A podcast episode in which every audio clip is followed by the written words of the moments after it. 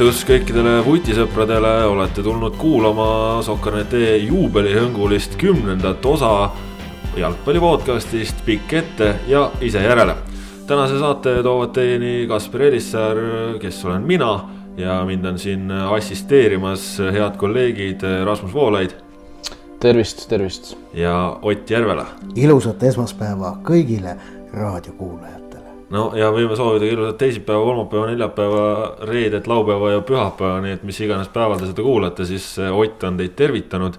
tänases saates eh, teemadeks äh, räägime rahvusvahelisest jalgpallist, Inglismaal otsustati nii mõndagi, räägime natukene ka eurosarjadest, siis tuleme premium-liiga juurde, kus nädalavahetusel toimus ka, nagu ikka kombeks on ja saate lõpus veel natukene rahvusvahelise jalgpalli juttu, nii et äh, kui tahate kuidagi ette valmistuda, siis teate, et sellised on meie tänased suunad.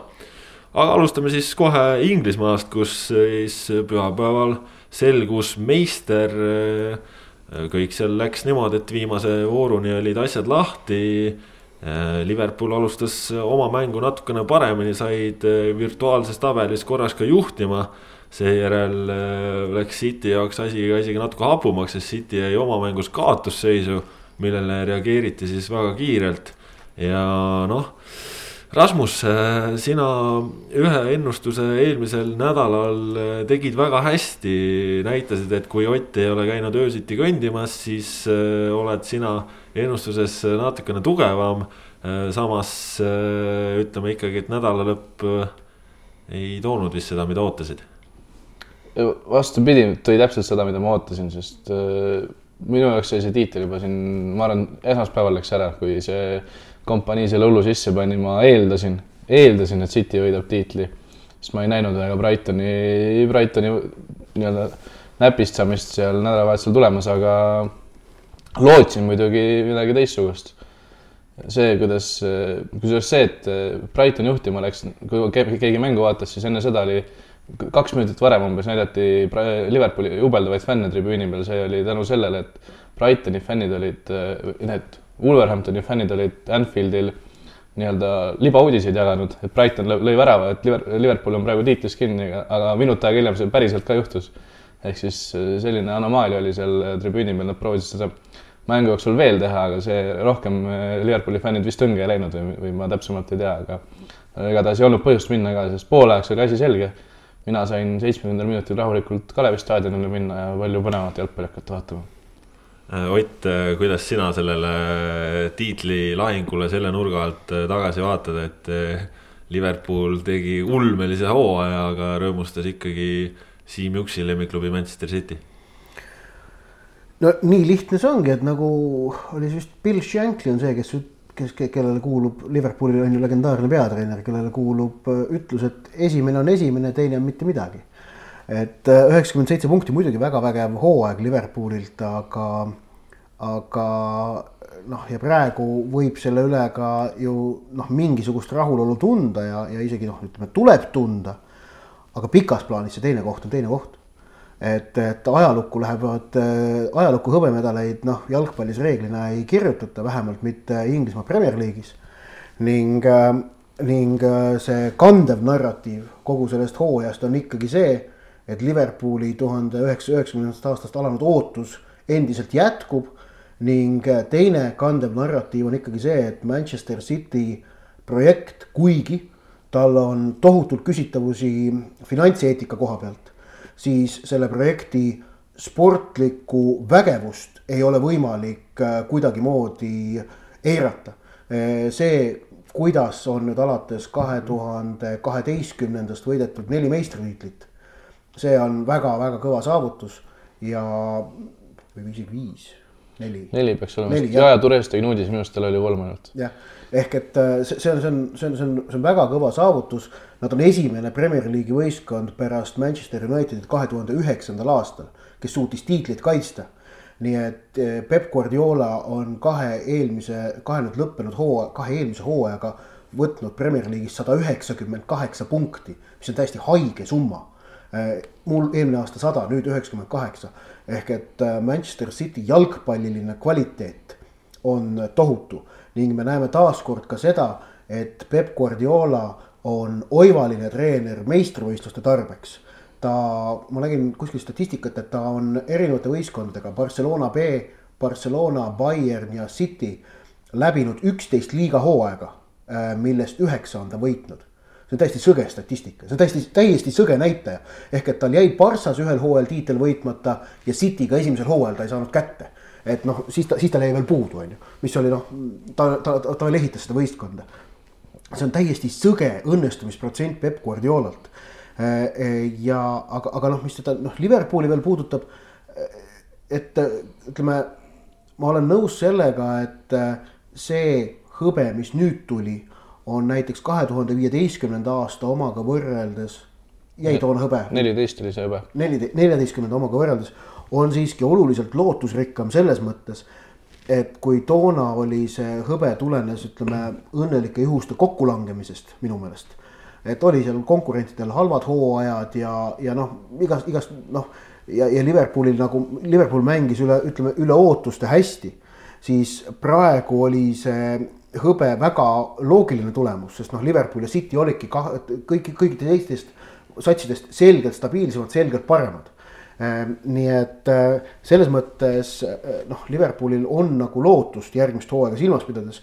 praeguse seisu pealt vaadates ei äh, oleks väga keeruline pakkuda järgmise hooaja kullaks ja hõbedaks midagi noh järjekorda paika panemata kedagi muud kui Cityt ja Liverpooli. sest kõik teised neli tippklubi paistavad neist selgelt siiski maas olevat, Tottenham kõige vähem. aga ikkagi on keeruline näha, et Tottenham suudaks järgmisel hooajal kohe nüüd Liverpoolile või Cityle kolmekümne kaheksa mängulise hooaja lõikes vastu saada.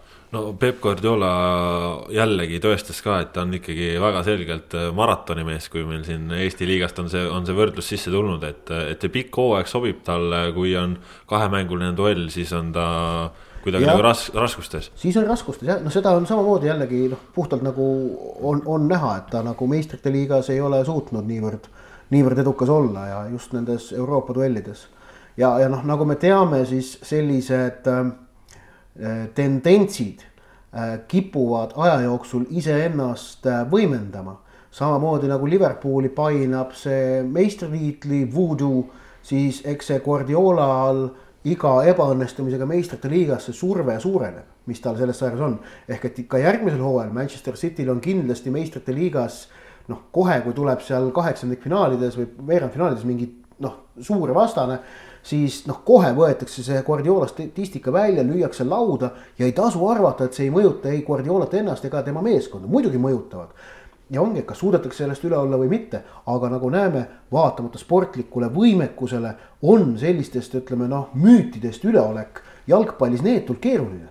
Noh, sedasama tõestavadki Liverpooli, Man City vastavalt noh, erinevatest sarjadest tõestavad väga ilmekalt. see on täpselt vastupidi, on niimoodi, et äh, no me räägime sellest hiljem ka, sellest meistrite liigast, aga Jürgen Klopp pole Liverpooliga mitte ühtegi kahemängulist seeriat Euroopas kaotanud ja isegi null kolme pealt nad ei kaotanud, läksid ikkagi võitma ja läksid edasi, aga aga samamoodi Klopp on finaalid kaotanud. on finaalid kaotanud, see on jälle needus ja kui, kui Liverpool poleks jõudnud finaali, siis oleks äh, palju suurem äh, nagu Liverpooli fännid oleks praegu palju õnnetanud, palju pärast eilset oleks täiesti löödud, aga praegu nii palju okay., kui ma olen sotsiaalmeediat jälginud, siis. Äh, ja, praegu on kõik okei okay, Liverpoolil. jah, praegu on kõik okei okay.. aga nüüd jällegi. kui tuleb, kui tuleb finaalis klutt, siis on. siis on jällegi see, et siis on, siis hakkab Kloppi painama see tema finaalide kaotus, siis tal on kolm meistrite liiga finaali kaotatud, üks Borussiaga, kaks Liverpooliga. kahe, nende erinevus ongi see, et kahes erinevus ei olnud, kahes esimeses ei olnud tema favoriit, vaid nüüd on, nüüd on ta selge favoriit finaalis.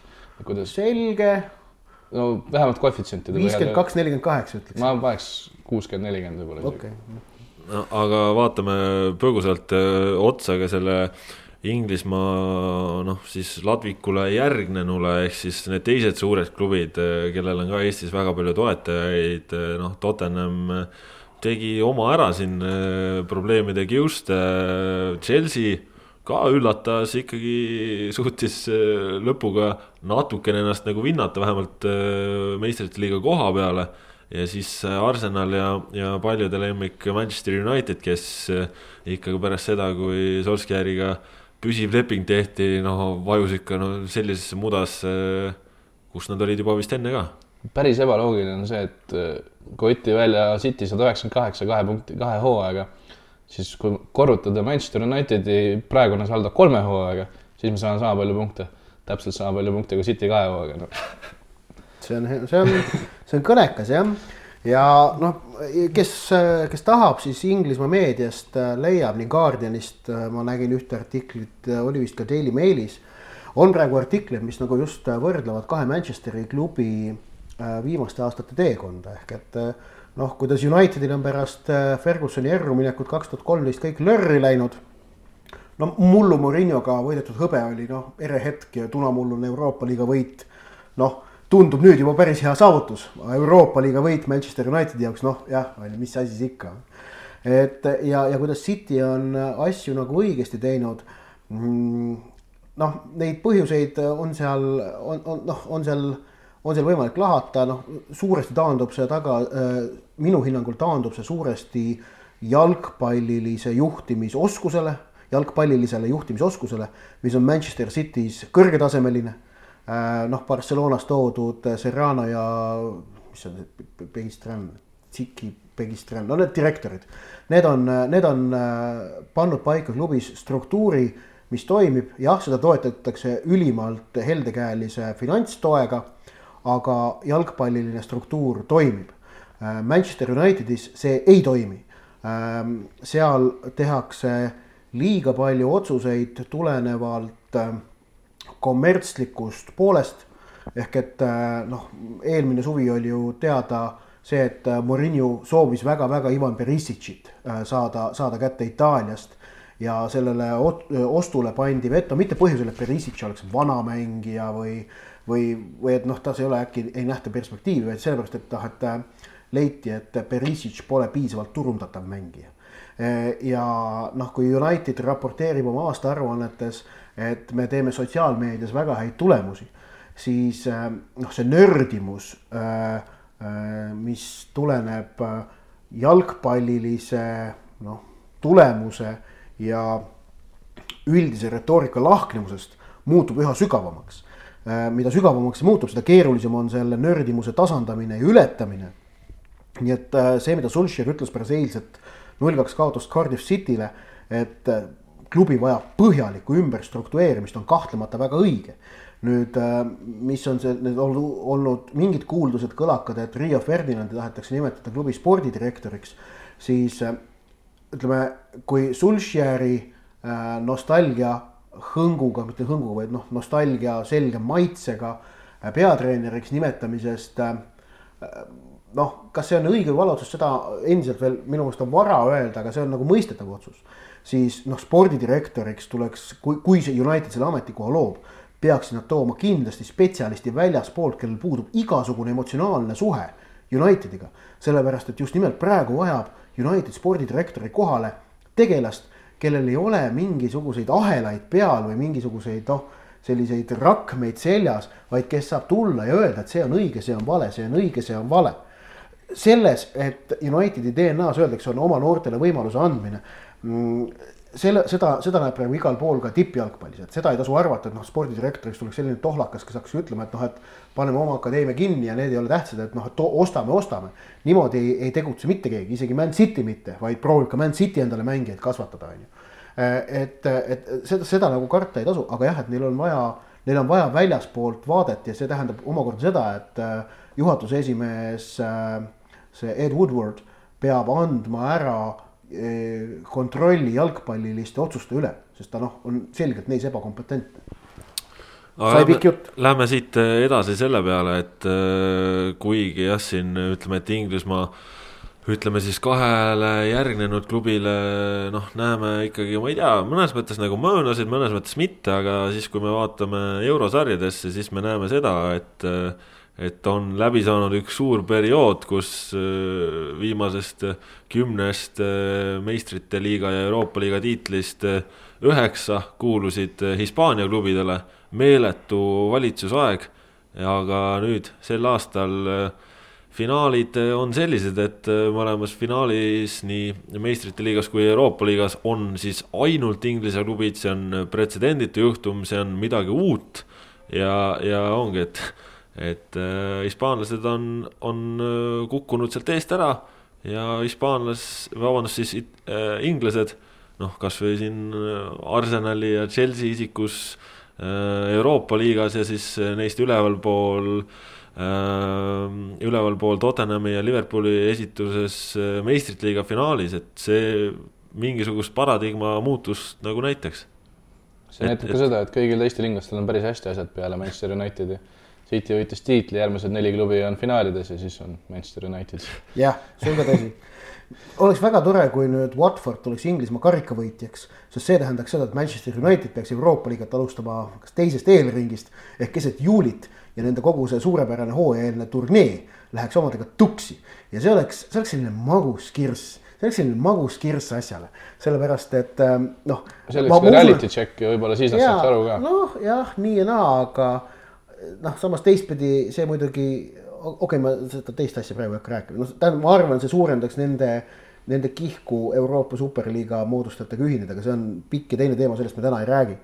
aga Inglismaa võimu muuseas näitab ka äh, ütleme, selline ametlik UEFA äh, edetabel ehk et äh, UEFA Euroopa Jalgpalliliit koostab igal hooajal oma liikmesriikide edetabelit vastavalt nende klubide tulemustele eurosarjades. Ja noh ähm,, Inglismaa no kuna selle hooaja tabel on juba praegu lõplik enne finaale, sest on teada, mis riikide klubid finaalid võidavad et noh, mõlemad finaalid võidab Inglismaa klubi ja Inglismaa teenib sellel hooajal punktisumma, mille, mis jääb ütleme viimase viie hooaja lõikes alla ainult Hispaaniale hooajal kaks tuhat viisteist, kuusteist. Ähm, ehk et äh, see on äh, Inglismaa tänavune hooaeg eurosarjas on siis viimase viie aasta paremuselt teine üldse terves Euroopas. Nende, äh, muidugi see tugevdab nende kohta üldises edetabellis teist kohta, nad on väga kindlalt teised, noh, Itaalia on, Itaaliaga vahemaa suurenes tohutult, ma suhtarvude osas ütlen, et Inglismaa teenis kakskümmend kaks koma kuus punkti sel hooajal siis Itaalia kaksteist koma kuus. Saksamaa oli kolmas viieteist koma nulliga, Hispaania teine üheksateist koma viiega. Äh, viies muuseas oli Portugal kümne koma üheksaga, kuues Prantsusmaa kümne koma kuuega ja, ja Venemaa jäi suisa kaheksandaks, isegi Belgia oli eespool Venemaast. et, et see lihtsalt need, need arvud, aga jah, et Inglismaa läheneb tegelikult ka selles tabelis Hispaaniale Nad on äh, nüüd siis teist hooaega järjest saavutanud Hispaanias parema skoori, mul olid minimaalselt paremad, tänavu olid nüüd selgelt paremad.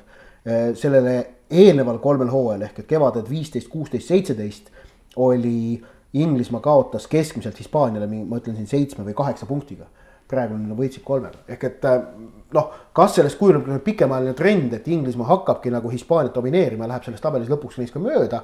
see selgub, no järgmine aasta ta kindlasti veel ei juhtu, ülejärgmine võib juhtuda no aga siis me ju näemegi väga selgelt, et jalgpallis on võimalik raha eest edu osta. jah, no seda küll jah, see, see, et, et Inglismaal oli pikalt see, et neil oli kõige tasavägisem liiga, aga, aga nüüd on noh, suudetud ka, suudetud ka ütleme lisaks sellele, et seal leidus, leidus nagu tagumise otsa klubidel noh, varianti a la nagu Stoke City ostis Sherman Shakiri endale näiteks ja noh, selliseid, selliseid asju teha. Ehm, et nüüd on, nüüd on äh, ka tipud muutunud piisavalt heaks, et nad suudavad isegi Euroopas äh, noh, täitsa lõpuni välja minna, vaatamata sellele noh, natukene kuidas öelda, andestamatumale kodusele kalendrile võrreldes no, noh. aga, aga siin ongi noh, mõnes mõttes ei ole siin ju ka tegelikult väga palju üllatuda, kui Inglismaa ütleme, seitsmeteistkümnes klubi saab äh, telerahasid rohkem kui Hispaania neljas, et äh, noh. see ongi ju väga kõnekas ja, ja, ja see, selle pealt need muutused tulevad. ja e, täiesti nõus et noh, ütleme, see, see on, neid muutuseid saab esile tuua ka mingi, saavad tuua ka mingid muud faktorid ehk et noh, Saksamaa näiteks vahepeal ju tõusis ka selles tabelis teiseks ja, ja siis oli see, oli see nende suur tõus oma selle noortetöö põhjal, millega nad võitsid lõpuks ka kaks tuhat neliteist MM-tiitli. Äh, mis siis noh, kogu see asi ju järgnes sellele, kui nad kaks tuhat ja kaks tuhat neli Euroopa meistrivõistlustel kummalgi ei saanud alagrupist edasi, mille peale Saksamaa jalgpallisüsteemi noh, tugevalt reformiti, viljad lõigatigi sellega, et noh, et äh, tõusti korraks klubi jalgpallis tippu ja ma ei pea silmas ainult Bayernit, vaid just seda, kuidas Borussiaga finaali jõudis kaks tuhat kolmteist ja võideti MM-tiitel nüüd on noh, tulnud tagasilöök, millele on juba näha nüüd natukene äkki isegi uut tõusu. et, et on võimalik ka sellega, noh, Itaalia on selgelt ikkagi noh, oma noh, Itaalia vajab ilmselt ja Itaalia liiga vajab järgmise sammu astumiseks seda, et klubide kommertsvõimekus paraneks, mille jaoks on vaja, et üha rohkem klubisid teeksid sama sammu, mida tegi Juventus ehk oma, ehitaksid endale uue modernse staadioni.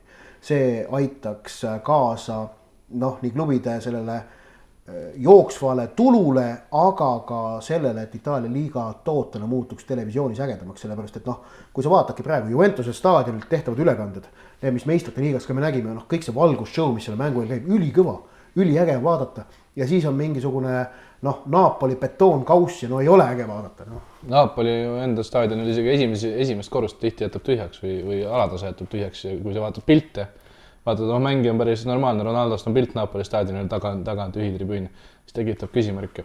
ja sama rääkis ju äh, Ranieri ka, kes eile küll loputas Juventust oma Roomaga, aga ütles, et kui Rooma tahab ka kunagi jõuda vähemalt samale tasemele, kui see on Juventus praegu, siis on vaja enda staadionit. Praegune mängijad sellel hiigivanal staadion Olümpikul ja koos Laatsioga ja see on see, mida ta välja tõi, tõi ka. no ja samas äh, kuidagi ei saa ka nagu sellest mööda vaadata, et see Hispaania jalgpalli äh, valitsusaeg äh, Euroopa tipus sai läbi momendiga, kus Cristiano Ronaldo lahkus Hispaaniast. nojah, ma tahaksin näha ära, ütleme, tuleks umbes kaks hooaega nüüd veel ära vaadata ja siis saab teha nagu järeldusi, kas see oli tegelikult ka niivõrd oluline ja märgiline sündmus või me praegu võimendame seda hetke tulemuste ajendil üle. et, et see selgus saabub veidikene hiljem. aga noh, selles, et Ronaldo lahkumine oli Hispaania liigale tohutu mainepauk ja, ja selline. ja Itaaliale väga, väga, väga tugev tõus ka samas. just, selle vastu ei saa, sellepärast noh, et kadus ära El Clasico ei olnud enam üldse nii kõva, kui ei olnud see enam Ronaldo versus Messi no.. ja ka sellepärast, et Real Madrid on lihtsalt läbivalt halb olnud sel hooajal mm. -hmm. aga mm, -hmm. aga veel põgusalt eh, siis eh, nende kahe suure finaali, eh, kahe suure finaali juurde, noh. Tottenham sai ikkagi imega hakkama, Rasmus. Tottenham sai imega hakkama jah, see oli sensatsiooniline jalgpallinädal, ma usun küll. täiesti, täiesti pöörased mängud olid ikkagi. Äh, kõigepealt Liverpool ja ma isegi noh, ma isegi ei tea, kumb, kumb nagu hullem, kumb nagu kõvem taga, tagasitulek oli. Liverpool äh, Barcelona vastu, neil oli üheksakümmend minutit aega ja nad hakkasid algusest peale tulema. samas nagu Tottenham hakkas alles poolajal tulema või noh, teisel poolajal, kui, kui juba korralik, korralikult lappas asi nulli kolme pealt. no mina ütlen ikka, et äh, Tottenhami oma oli äkilisem, aga Liverpooli oma oli vägevam. sellepärast, et ütleme noh, ikkagi Liverpooli, äh, Liverpooli noh, tervitanud väljakutse oli suurem. pluss oli ka riskimoment suurem, sellepärast et nad ei tohtinud mitte mingil juhul lasta Barcelonil ühte väravat lüüa. pluss see, et, et Tottenhamil on, Tottenhamil oli selles mõttes natukene lihtsam no samas, samas on, on siin ka see, vaata praegu üldse siin nädala jooksul on räägitud äh, justkui tegu oleks olnud äh, kõigi aegade kõige vingema nädalaga ja nii edasi. kõige vingemad tagasitulekut, samas siin läheme ajas natukene tagasi, mida tegi Rooma eelmine aasta Barcelonaga. no päris huvitav näide ja noh, veel markantsem võib-olla, et mida tegi Barcelona siin mõned aastad tagasi BSG-ga just, just. et, et, et see tegelikult ei ole ainulaadne, kuigi praegu need emotsioonid, noh, ütleme, et tõenäoliselt selle av, av... järjest päevadel just. ja poolfinaalis. et noh, need eelmised olid, Rooma tegi Barssale ära veerandfinaalis ja Barssa BSG-le kas kaheksandikus vist. või oli ka veerand, jah. Liverpooli märgilisemaks teeb veel see, et Salah ja Firmino kaks nende võib-olla kõige suuremat staari, üks kindlasti kõige suurem, Firmino on seal So-So Manega olid mõlemad väljas ja värava tõid sellised mehed nagu Divock Origi, varuründaja, kes on üldse noh, mõned mängud see aasta mänginud. varumehe varumees. põhimõtteliselt ja nüüd hakkab vähemalt varumeheks saama.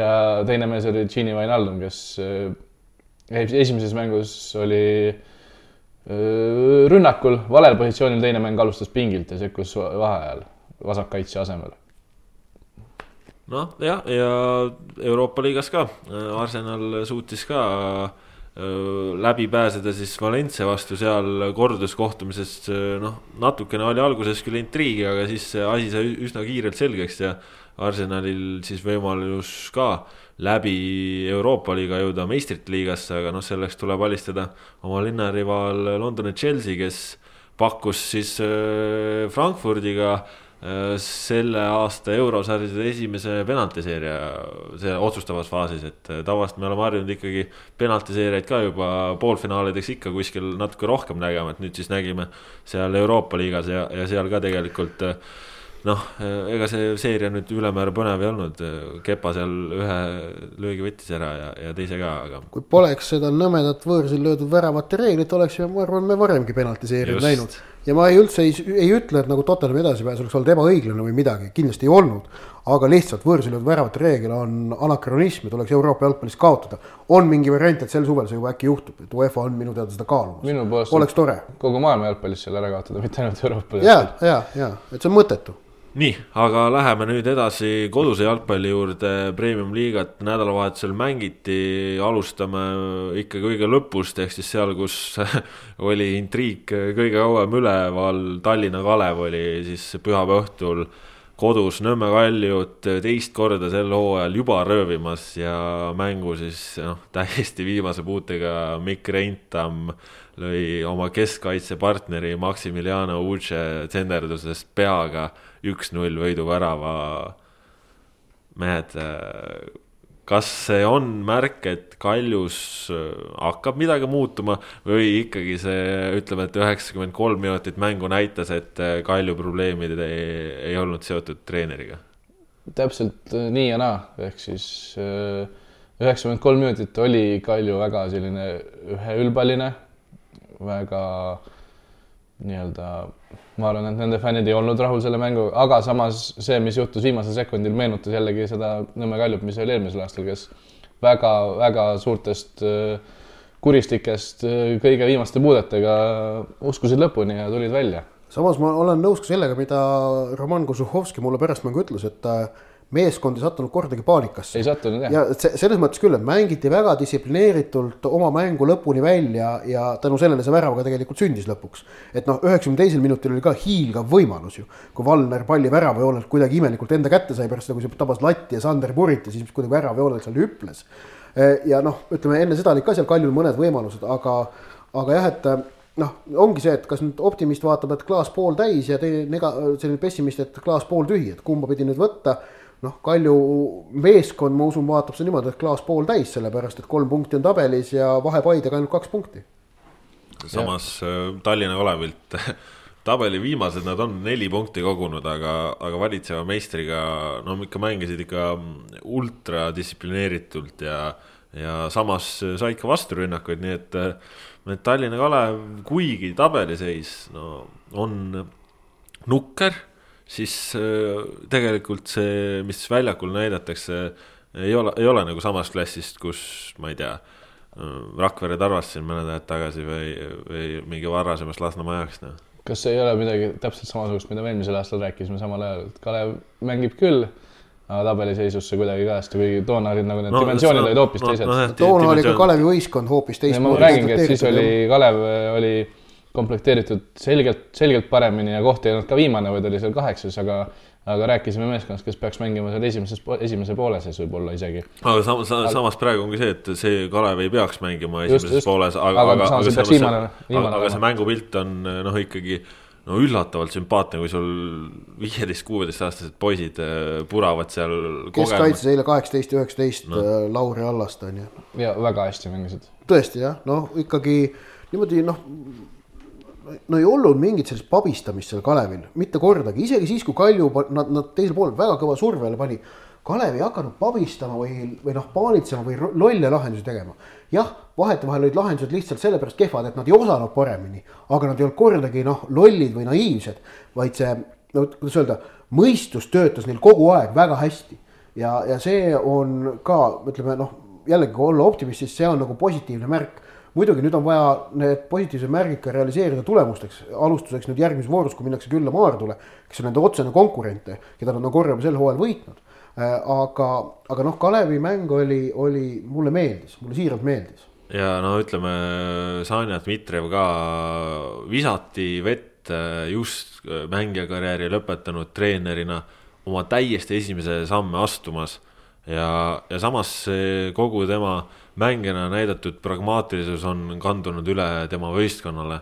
ja, ja kuigi see oli, ma arvan, nagu raskemat ülesannet omal treeneri karjääri, alguses oleks nagu olnud raske tahta, siis äh, ikkagi näitab, et sealt võib midagi nagu väga põnevat tulla just nagu treeneri koha pealt. no ütleme nii, et äh, ma ei olnud, noh, ma olin esimest korda eile nüüd Kalevi mängul kohapeal ja see äh, elamus ja kogemus suurendas minu tahtmist nüüd edaspidi kindlasti Kalevi mänge noh, ise, ise kohapeal jälgida, et ma tahan. see, see, see vahetu elamus, ma olin noh, telekast küll neid vaadanud on ju sel hooajal varem ka, aga nüüd see vahetu elamus suurendas minu huvi näha, et kuidas see võistkond ikkagi areneb. et see, see on see võistkond, kelle areng, arengut on väga huvitav jälgida. ja Saino Dmitrijevit oli ka väga huvitav jälgida eile, kui ta no võttis nagu mängijatelt ükshaaval kinni kõige rohkem Mussa Allist, Vale Mussa Allist, keda ta põhimõtteliselt nagu sättis õigesse paika, pani nagu ütles, mine nüüd sinnapoole, nüüd tule sinnapoole. nüüd sa peed minema, noh, noh, temaga võttis nagu üheksa minutit põhimõtteliselt nagu oli dialoogis kogu aeg, et suunas seda õigesse kohta, aga teisi mehi ergutas kogu aeg. keegi lasi ennast küll mööda, aga ütles, et jookse talle järgi, võta ta kinni ja tubli, tubli, tubli ja nagu jube nagu kihvt oli vaadata või nagu kuulata teda, kuidas ta seal oma, omadele seda optimismi süstis ja Ott, väga tore oli kuulda ka sinu avaldust, et äh, soovid veel oma silmaga Kalevit näha, sest äh, eile matši esimesel poolel sa kirjutasid mulle, et ma sind rohkem Kalevi kodumängudele ei saadaks, ei saadaks sinna tööd tegema, nii et räägi see olukord no, ka. teisel poolel midagi muutus. ja teisel poolel muutus, pasulaid enam ei olnud. ehk et noh, see ei ole mingi selline, isegi ausalt öelda, ei ole otseselt väga pseudoteema et, et noh, need plastpasunad mängudel, et sellest on Eesti, ütleme, premium-liiga kontekstis on sellest varem päris palju räägitud. kusjuures ma ise mäletan, et ma kirjutasin mingi kaks tuhat kaheksa või üheksa, kirjutasin Õhtulehes päris noore reporterina, kirjutasin sellise vihase repliigi, et panu, pasunatele punane. et toona oli see vaevas koondise mängudel. et noh, plastpasun ei, see, see pinin ei kuulu jalgpallimängu juurde et lihtsalt ei ole vaja seda sinna, kui parem mängime vaikuses, ilma naljata, pigem vaikus kui see pasunapinin. aga kui teisel poolel, kui Kalevi pealtvaatajatelt, ma ei tea, kas need pasunad korjati ära või lihtsalt öeldi, et ärge enam kasutage. aga igatahes siis hakkasid Kalevi toetajad vahepeal skandeerima väga kenasti Kalev, Kalev. ja see oli seal Kalevi staadionil tekkis täitsa isegi selline kaja ja väikene selline eh, noh, kajaefekt, sellepärast et seal noh, need kalmistult on kõrged puud, sealt kaikus vastu, küljetribüün ja otsatribüün toetasid teineteist no suurepärane jalgpalliline atmosfäär, mille jaoks sul seda pasunat vaja on.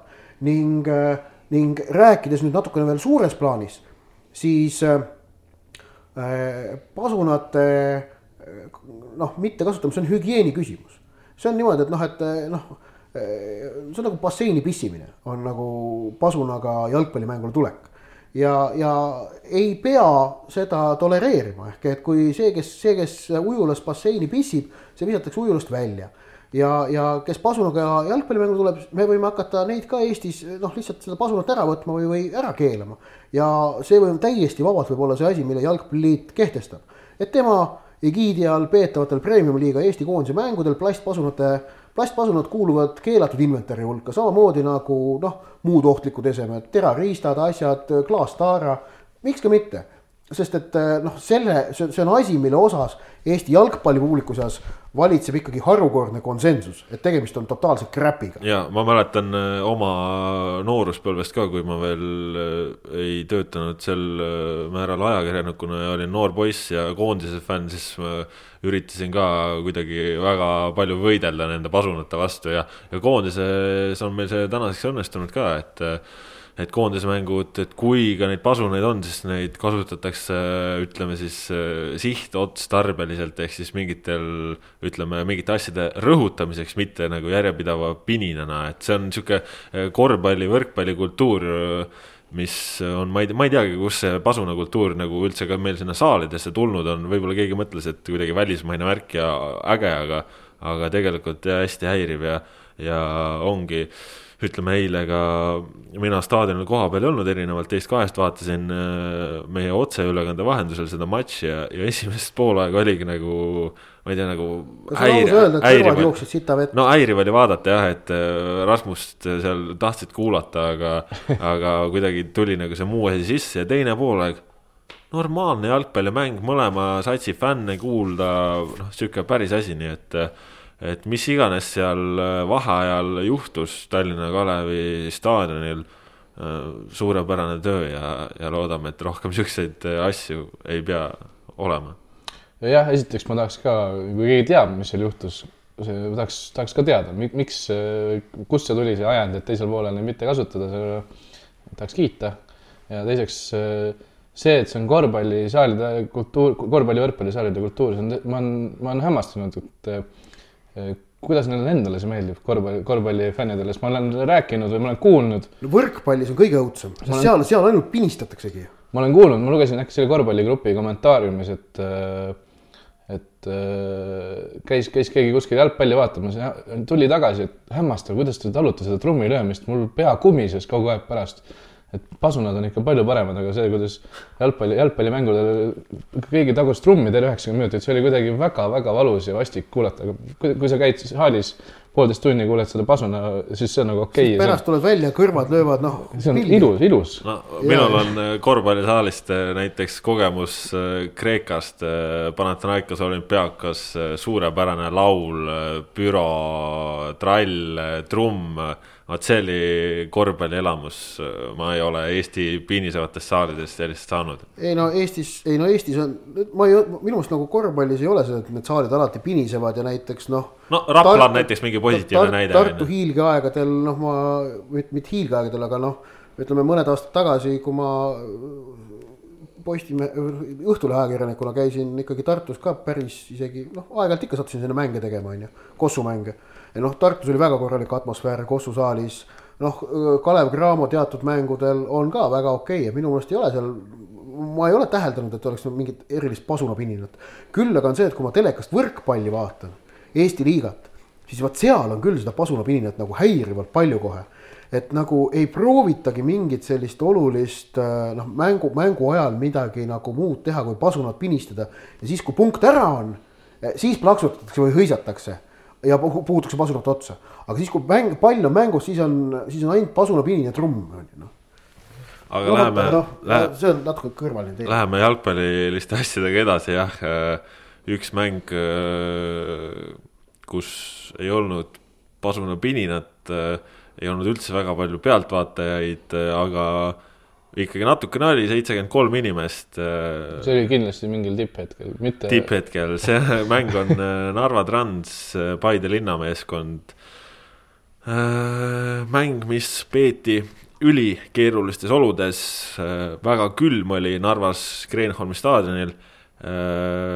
Narva Kreenholmi staadionil oli lisaks ka väga tuuline, lisaks väga vihmane, ehk siis äh, see mäng, mis seal toimus, oli üheksakümmend pluss minutit kõva võitlust, jalgpallilisi elemente, loogikaid, süsteeme sai mängus näha vähem ja lõpuks äh, ikkagi ütleme, et sel aastal saab vist niimoodi öelda, et et üheksakümmend minutit äh, võitlust ja siis äh, Paide võitis, ehk siis, ehk siis Paide tegi oma, oma mängu ära, penalti Tarmo Neemela teenis äh, Artjom Škinjoviga kokkupõrkest, mis oli minimaalne, aga, aga vist ikkagi oli. hästi keeruline olukord hinnata, igatahes äh, Paide seal mängu lõpus penalti sai.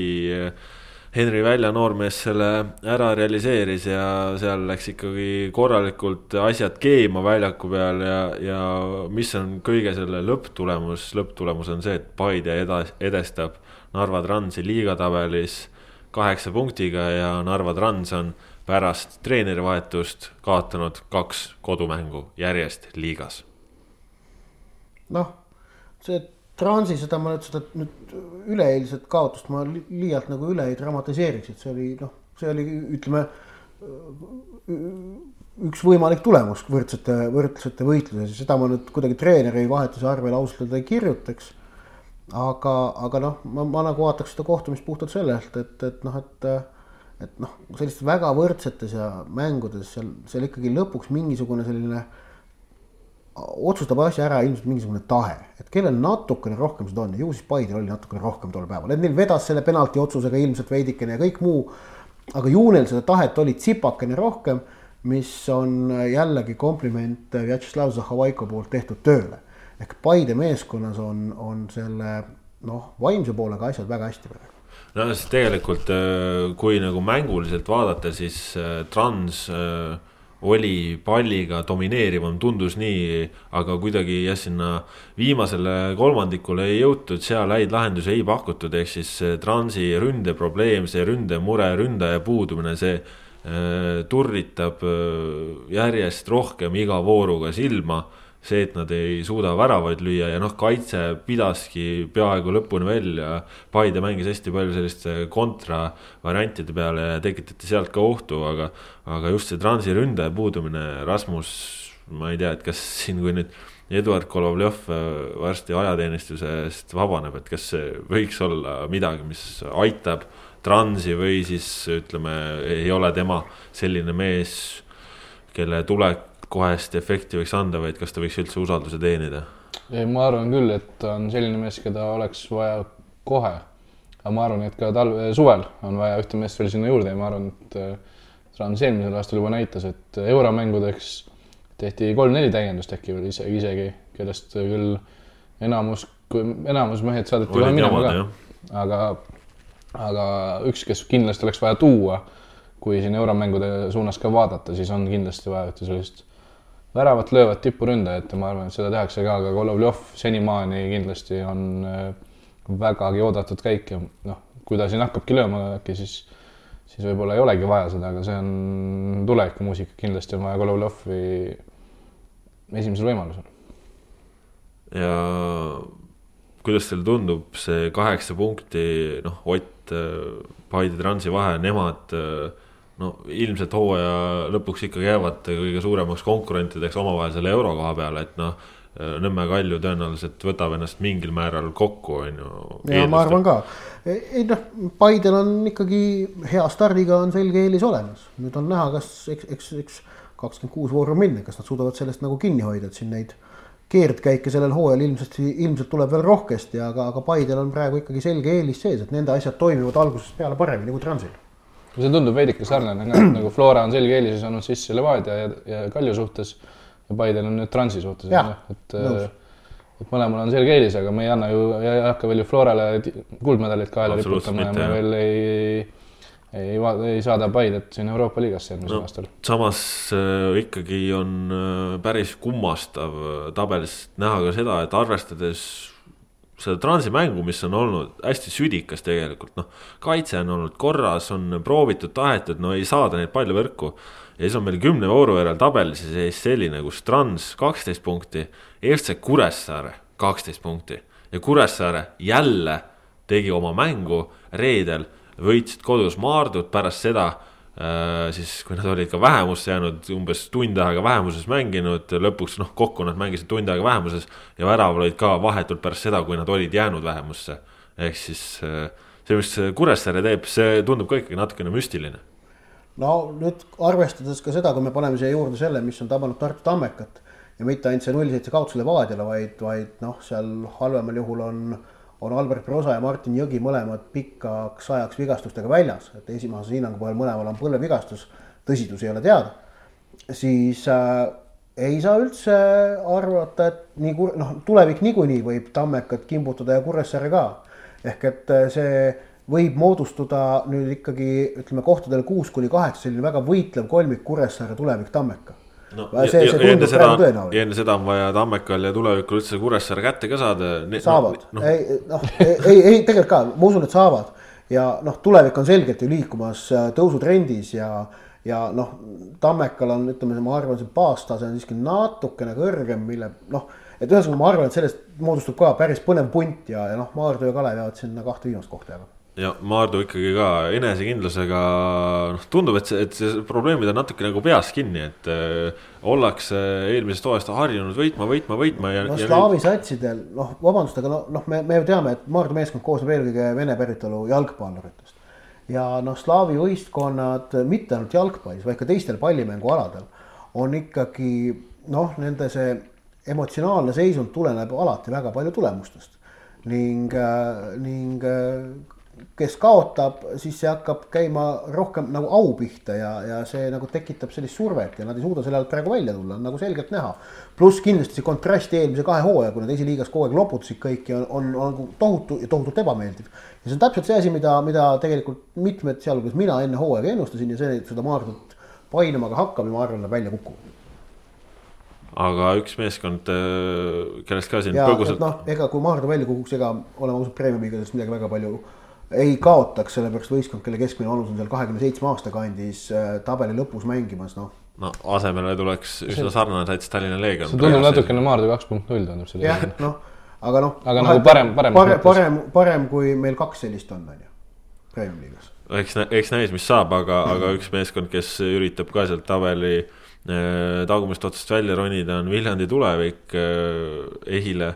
noh, see värav, mille Kaimar Saag Florale lõi äh, ikkagi noh, ma arvan, me teeme küll kuu lõpus hääletuse, aga, aga noh, vist on sihuke, et Kaimar Saagile võib nagu vaikselt juba käe pihku lüüa. et palju õnne kuu ilusam värav on löödud, on ju, tõenäoliselt no,. kahjuks ei saanud seda täies ilus vaadata. jah, täies ilus ei saanud vaadata, et seal R, R-i operaatoritel tuli ka see löök üllatusena, et seal head kaamerapilti nagu lõpuks ei jäänudki, aga, aga no ikkagi see, et tulevik äh, noh, suutis ka ikkagi Florat nagu natukene kiusata. ja, ja samas Flora ikkagi äh, ei allunud nii-öelda provokatsioonile, ehk siis jäi iseendaks ja, ja kindel võit käes ja kümne vooruga kolmkümmend punkti. jah, Flora oli muljetavaldav, tulevik äh, omas mõttes samuti. Kaimar Saagi värav oli ennustatav, et ta lööb värava, see, et ta lööb sellise värava, ei olnud prognoositav nagu juba kohe seal, kes meil seda laivi tegi, ütles, et Vincent Company või oleks ka uhke, et tõepoolest Company võib sellise värava peale jalga puhata. ja, ja noh, tore mäng. publikut ka. Mõnusalt, nii et äh, Viljandis äh, siin kevade tulekuga on kõik äh, nii-öelda tärkamas. Kuskil ennustati, äkki see oli vist see Transi laivis eile keegi ennustas, et esimest korda äkki see hooaja tuleb ühe suuruse alla tuhande pealtvaatajaga, Viljandi vist hoolitses selle eest, et et ei tulekski seal juba üle viie, üle viiesaja oli siis paar kahesajast mängu veel otsa ja ikka tuhat tuli vist varuga ära. jah, jah, tuli jah, et siin ütleme, et äh, voor algas jah, üle kivide kändude tõesti seal äh, Narva Kreenholmi staadionil selle vihma ja tuule käes, seal ei olnud tõesti inimesi, aga, aga õnneks pühapäeval oli ilm ilusam. aga, aga veel üks laupäevane mäng, Levadia seitse-null Tammekale, no täielik üllatustulemus äh, selle skoori mõttes, et. Äh, no seal Tammekat tabas selge lagunemine pärast Levadia kolm-null väravat, millele oli eelnenud täpselt äh, Martin Jõgi vigastus, mis oli siis ütleme Tammeka jaoks kolmas sunnitud vahetus ja teine tõsine vigastus selles mängus. kohe sellele tuli Levadia kolm-null ja selle peale Tammeka lagunes lihtsalt noh to, totaalselt lagunes. Levadia lükkas neli tükki veel et see ei olnud, see seitse-null ei tulnud mängulisest ülekaalust, vaid psühholoogilisest lagunemisest.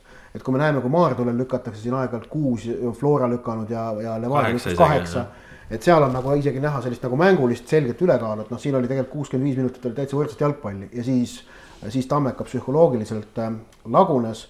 Noh, ja, ja noh, Tammekast sai siin juba räägitud, eks näis, mis, mis, kuidas nad nendest nüüd oma hädadest üle saavad aga Levadia jaoks oli see muidugi noh, see oli selgelt ka näha, et Levadia oli ülimalt isukas ja haistis verd, sellepärast need kolm kaotust olid neil all enne seda mängu ning noh, neist nendest kolmest kaotusest see viimane, mis, mis Hiiul juhtus ja kõik see, mis seal veel juhtus, see oli ikka väga-väga piinlik. häbiväärne. Hiiul jah, kui mingil põhjusel keegi ei ole kursis, siis nädala keskel äh, Nõmme Kaljuga mängiti karikavõistluste poolfinaali. Levadia läks seal siis juhtima andis äh, edu käest siis kahel korral, äh, viimasel korral äh, hästi keerulisest ja küsitavast olukorras üleminutitel, kus seal Jevgeni Ossipov arvas, et talle tehti viga Lilju poolt, misjärel siis Peeter Klein lõi värava ja see olukord küttis üles Jevgeni Ossipov ja see olukord küttis üles kogu Levadia meeskonna, mis siis kulmineerus sellega et äh, pärast seda, äh, kui oli Kalju löönud oma kolmanda värava, ehk siis äh, oli sisuliselt kindlustanud oma edasipääsu, sest Levadia oli juba varem jäänud normaalaja lõpus vähemusse, siis pärast seda kolm täiesti tarbetut punast kaarti veel otsa, ehk siis. mina nägin elus esimest korda, et üks võistkond teenis neli punast kaarti ja ma arvan, et ma ei ole isegi telekas sellist mängu näinud. ma ei, ma ei, ma ei ole kindel, kas ma olen näinud sellist mängu, kus võistkond teenib neli punast kaarti, mul ei ole meeles, ma nüüd nägin seda vahetult ning jah, siis kolm päeva hiljem nägin, kuidas sama meeskond lõi seitse väravat, et see on nagu päris hea kombinatsioon. No.. mina olin Tartu Sillekaardi mälu, jalgpallimälumängul koos Ivariga, hoidsime silma peal, kui pausi hetk oli, vaatasime seisu, et ahah, nüüd on kaks-üks ja nii edasi. ja siis mingil hetkel korraldajad ütlesid kahe küsimuse vahepeal vist, et, et karikavõistlustel on, läks mäng lisaajale ja kas seal on nüüd kolm või on isegi neli punast kaarti üks meeskond saanud ja siis oli küll Hämming oli, Hämming oli üle keskmise. Soccerstandi äppi oli ka väga äge vaadata, kus on see, et on nagu noh, Kalju Levadia kolm-kaks Levadia taga neli punase kaardi sümbolit, see oli selline mida hekki nagu. saime jälle, saime rahvusvahelisse meediasse tõenäoliselt.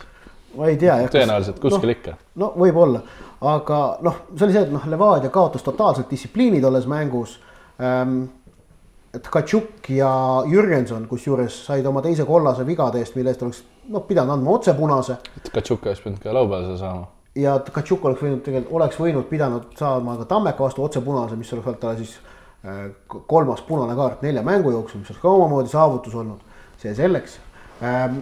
Aga Levadia tolle noh, Levadia saab sealt on ju juhendist tulenevalt automaatse saja eurose trahvi, aga noh, see ilmselgelt vajab see käitumine rangemat sanktsioneerimist, loodetavasti jalgpalliliidu distsiplinaarkomisjon sellega tegeleb. sest et see oli, see oli tohutult ebasportlik, mida Levadia tegi, seal oli Kalju mängijate vigastusoht oli suur ja teine asi on see, et, et äh, Levadia mängijate sõnakasutus on täiesti vastuvõetamatu äh,. olin ise, kuulsin, kolleeg Andres Vaher Postimehest kuulis, kui Ossipov sai punase kaardi ja tuli väljakult ära, ta ei läinud riietusruumi, vaid ta jäi seisma sinna Hiiu staadioni jooksurajale täpselt sellele laua ette, kus tavaliselt ajakirjanikud istuvad. ja see tekst, mis tuli Ossipovilt pärast Tkatšuki eemaldamist abikohtuniku Sander Sagasa suunas. ehk et äh, kui ma eesti keeles, kui, kui mõni mängija lubaks endale eesti keeles midagi võrdväärset kohtuniku aadressil, sealt tuleks noh, noh noh, see räiged võistluskeelud tuleksid sellise asja eest, aga vene keeles millegipärast tohib. ja, ja täpselt sama asi oli ka Narvas, kus äh, äh, oligi seal ütleme, et näiteks isik äh, nimega Deniss Poljakov äh, no pani seal ikka selliseid sõnu, et no isegi mina, kes ma ei räägi nagu väga hästi vene keelt, äh, no nendest asjadest sain aru. Ja, ja selle peale siis Karl Mööl, Paide äärekaitsega ühel hetkel reageeris äh, neljandale kohtunikule Mart Martinile, et kuidas see võimalik on, et eesti keeles midagigi ütled, kohe saad kaardi kätte ja nemad võivad sind saata no nii pimedasse kohtadesse nii mitu korda kui tahes ja mitte midagi. ja see on püsiv probleem Eesti jalgpallis, seda näeme aastast aastasse eesti keeles ongi, midagi ütled, kohe reageeritakse, vene keeles no ropenda palju tahad. jah, Vaiko Kõiu küsis, et miks te lasete ennast sõimata kohtunikelt. küsis jah. jah, ja, ja, ja seal on tegelikult nagu lahendus on väga lihtne. ehk et äh, üks jobana eurood tuleb, punane kaart otse ja, ja siis ma tahan, et TK teeks samamoodi nagu on Hispaanias praegu. Diego Costa sai kaheksa mängu selles, mis ta kohtunikule ütles. ja tuleb ka, Jobanna Euroot, punane kaart ja neli mängu, kõik. ja see, see jama lõpeks ära. Tõenäoliselt, eks. ja kui ei lõppe, siis anname uuesti punase ja viis mängu ja kuni lõpeb ära see jama, noh jah äh,. sest et e, e, e, noh, see ei ole ainult nagu kohtunike ja mängijate vaheline asi, vaid see, mida see Ossipov seal, seal karjus, seda kuulsid noh, pealtvaatajad olid temast nelja meetri kaugusel, mis me arvame, et me ei ole kuskil suure staadioni katlas, pealtvaatajad kuulevad, mida mängijad ütlevad äh, kohtunikele või ka omavahel. See on, see on Eestis kuulda, see on Eesti jalgpalli reaalsus ja see, see ei ole mitte ainult Eesti, vaid see on mujal maailmas samamoodi, et noh, et neid liigasid kus nagu noh, selline su nii suur möll käib, neid oli siiski ütleme suures plaanis vähemus võrreldes sellistega, kus noh, on kuulda et noh, see on täiesti käsiteldamatu. ja, ja tegelikult ongi ju, et see käitumine kandub äh, väga otseselt edasi ja noh, siia tulebki lihtsalt kasvõi üks äh, näide lihtsalt äh, ka Eesti tipptasemel mängijast, kes saabus kodumaale mängima ja tema oli ka ühes omavahelises vestluses üllatunud, et kuidas need noored mängijad nii ülbed saavad olla ja, ja sihukese sõnakasutusega, et noh, kes on tulnud välismaalt koju üllatub ka sellest nagu mängijana, et kuidas see võimalik on, et mis toimub, on ju. et, et see kandumine kandub edasi ja, ja siis meil ongi, et probleem jõuab kõrgliigadest madalamale, noorte jalgpalli ja nii edasi ja siis me ühel hetkel ongi, et on okei okay, nagu sõimata ja, aga tegelikult ei ole. tegelikult ei ole. vot, sellised olid premium-liiga jutud, saate lõpetuseks kiiretena teemadena ka selline noh, kõigepealt siis mälestusminut. nostalgia rubriik. nostalgia rubriik jah, eile pidas siis oma karjääri viimase mängu Robin van Persie, Hollandi Äh, jalgpallilegend, äh, ründaja, kes on ka meil siin Tallinnas äh, pahandust teinud. ja kas me mäletame teda hea sõnaga ikka? no kahe tuhande kolmeteistkümnes aasta oli siis noh, Robin van Persie jaoks pöördeline või noh, noh, selline väga-väga metsik aasta, sest et esmalt osutus ta Sir Alex Fergusoni karjääri viimaseks šedöövriks. kui Ferguson tõi ta kaks tuhat kaksteist suvel Unitedisse Arsenalist ja võitis tänu Van Persiele oma viimase meistritiitli, Unitedi kahekümnenda ja siis paar kuud pärast seda meistritiitlit tuli ta siia Lillekülla ja see Sergei Boiko oli see Ukraina idiootkohtunik, kes talle selle penalti kinkis seal üheksakümne teisel minutil ja piirajale teise kollase andis ja Eesti Hollandi üle võidust ilma jättis. ja siis aasta hiljem läks ta juba MM-il ja lõi Hispaania selle imelise lendava hollandlase värava. just. aga ja ei noh, Van Persie kahtlemata üks selline noh julgen öelda, noh, selline ikkagi kõrge sümbolväärtusega ründaja, kes, kes oli küll pikalt on ju see Arsenali imelaps, aga, aga noh, on, on ikkagi maailma jalgpallis väga selge sellise jälje jätnud ja, ja vinge mees.